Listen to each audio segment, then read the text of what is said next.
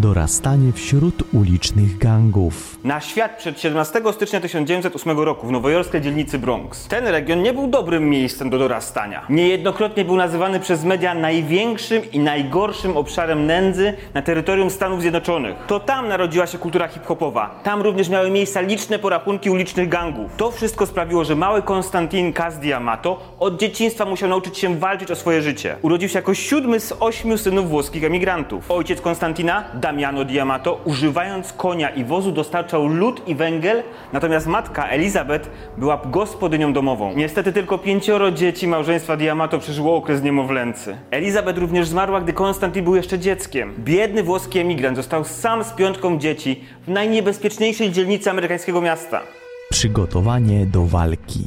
Przyszły tener boksu uczył się od swojego ojca i starszego brata. To oni pokazali mu, jak się bronić i jak zadawać ciosy, bo musiał wiedzieć, jak poradzić sobie na ulicy. Chciał rozpocząć karierę jako profesjonalny bokser, dlatego zaczął występować jako bokser amator, walcząc z przeciwnikami najlżejszej kategorii wadze piórkowej. Niedługo potem, gdy młody nowojorczyk urósł, zmężniał i nabrał więcej masy, trafił na ring wagi lekkiej. Jednak najważniejsze walki Konstantina nie odbywały się w salach sportowych. W tamtych czasach w Nowym Jorku najbardziej znaczące walki odbywały się na ulicach miast, a miał wtedy zaledwie ponad 10 lat, gdy musiał kolejnymi ciosami zapewnić sobie bezpieczeństwo o przeżycie w tak niebezpiecznej dzielnicy. Szybki koniec marzeń.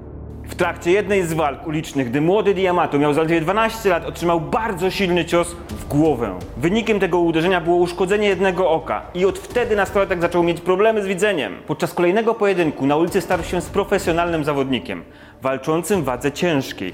Otrzymany od niego cios w głowę sprawił, że życie Konstantina było poważnie zagrożone. Problem ze wzrokiem stał się coraz bardziej dotkliwy, a młody Amerykanin zmuszony był porzucić szkołę i rozpocząć pracę w młynie. Gdy miał zaledwie 22 lata, jego włosy robiły się siwe, a przed 30 rodzinami był już prawie łysy. Przestał rozróżniać kolory. Stanął w obliczu przedwczesnego pogorszenia wzroku i zmysłów słuchu, smaku i zapachu.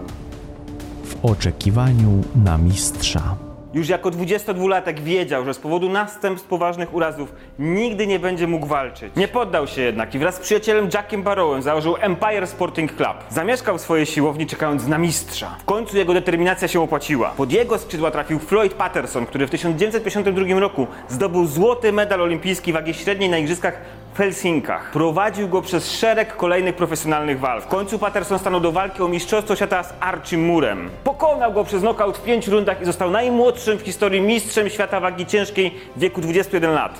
Kolejnym podopiecznym Diamato był Jose Torres, który w 1965 roku w Madison Square Garden pokonał członka International Boxing Hall of Fame, Willego Pastrano stając się mistrzem świata wagi półciężkiej. Jednocześnie Diamato stał się jednym z najbardziej poważanych trenerów w świecie boksu. Zemsta na świecie.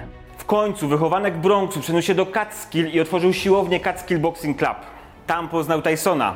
12-letni Tyson był w tamtym czasie zamknięty w areszcie dla nieletnich. Jednak dostał zwolnienie na trenowanie z kasem. Zostałem przedstawiony kasowi i po chwili mogłem zobaczyć, że ma całkowitą kontrolę nad wszystkim tam. Po prostu wciągał całe powietrze z pokoju. Uścisnął mi dłoń i na jego twarzy nie było śladu uśmiechu. Nie okazywał żadnych emocji, wspominał Tyson. Później Bobby Stewart przekazał mu, co powiedział o nim Diamato. To mistrz świata wagi ciężkiej i prawdopodobnie wszechświata, ale tylko wtedy, gdy nadal będzie pracować tak, jak pracował dotychczas. Kiedy Mike Tyson został zwolniony z przymusowej szkoły dla chłopców, przeniósł się do Diamato. Stworzyli silną więź wykraczającą daleko poza boks. Stał się prawnym opiekunem Tysona po śmierci matki wschodzącego boksera. Tyson przypisuje Diamato budowanie pewności siebie. Trener stał się do niego ojcem. Był też jedyną osobą, którą Tyson się bał. Byłem przerażony, kiedy byłem z nim sam na sam. Gdy dzwonił do mnie i mówił, Mike, muszę z tobą porozmawiać, nie czułem się dobrze. Wtedy zaczynał rzucać mi szczegółową krytykę moich walk. Ludzie widzą publicznie obchody moich rewelacyjnych nokautów, ale nie słyszą, jak Kaz rozmawia ze mną sam po walce. Napisał w swojej autobiografii. Znają mojego Sonego Listona. Zrobię wszystko, by go rozpieszczać, chronić, rozwijać, bo jest moją zemstą na świecie. Miał mówić Diamato o swoim podopiecznym. Doprowadził do tego, że Tyson stał się najmłodszym w historii posiadaczem tytułu mistrza wagi ciężkiej w wieku 20 lat.